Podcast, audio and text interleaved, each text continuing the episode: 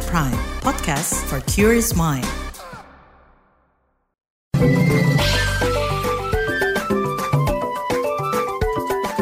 WhatsApp Indonesia.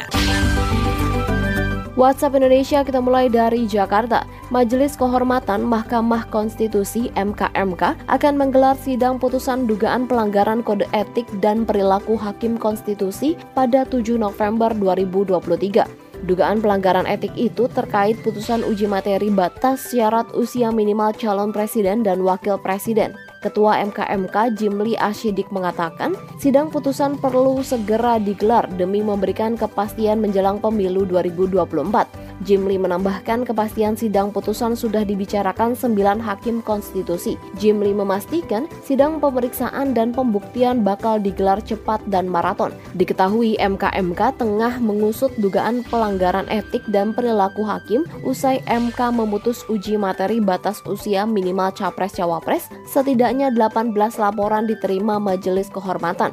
Sebagian besar melaporkan dugaan pelanggaran etik dengan terlapor Ketua MK Anwar Us Usman.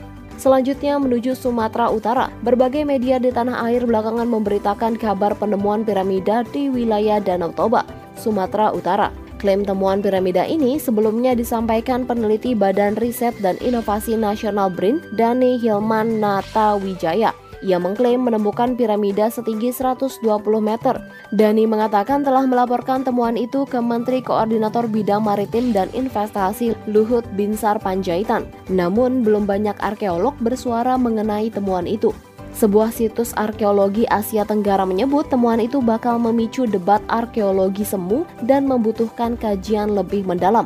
Terakhir mampir Bali, usai masuk jajaran desa wisata terbaik dunia, Desa Penglipuran Bangli Bali dikabarkan bakal menyelenggaraan Penglipuran Village Festival. Rencananya festival ini bakal digelar pada 7 sampai 9 Desember 2023. Ketua Pengelola Desa Penglipuran Wayan Sumiarsa mengungkap, salah satu tema yang diangkat adalah Green Investment for Next Generation, di mana tema ini tidak hanya sekedar tema festival, tetapi akan diimplementasikan secara nyata di Desa Penglipuran. Sebelumnya, Desa Penglipuran diberikan predikat Desa Wisata Terbaik 2023 bersama 54 desa wisata lainnya di The World Tourism Organization UNWTO. Desa Penglipuran juga dinobatkan sebagai desa terbersih di dunia. Desa ini juga dikenal dengan pengembangan, pengelolaan, dan perencanaan pagelaran kegiatan yang apik.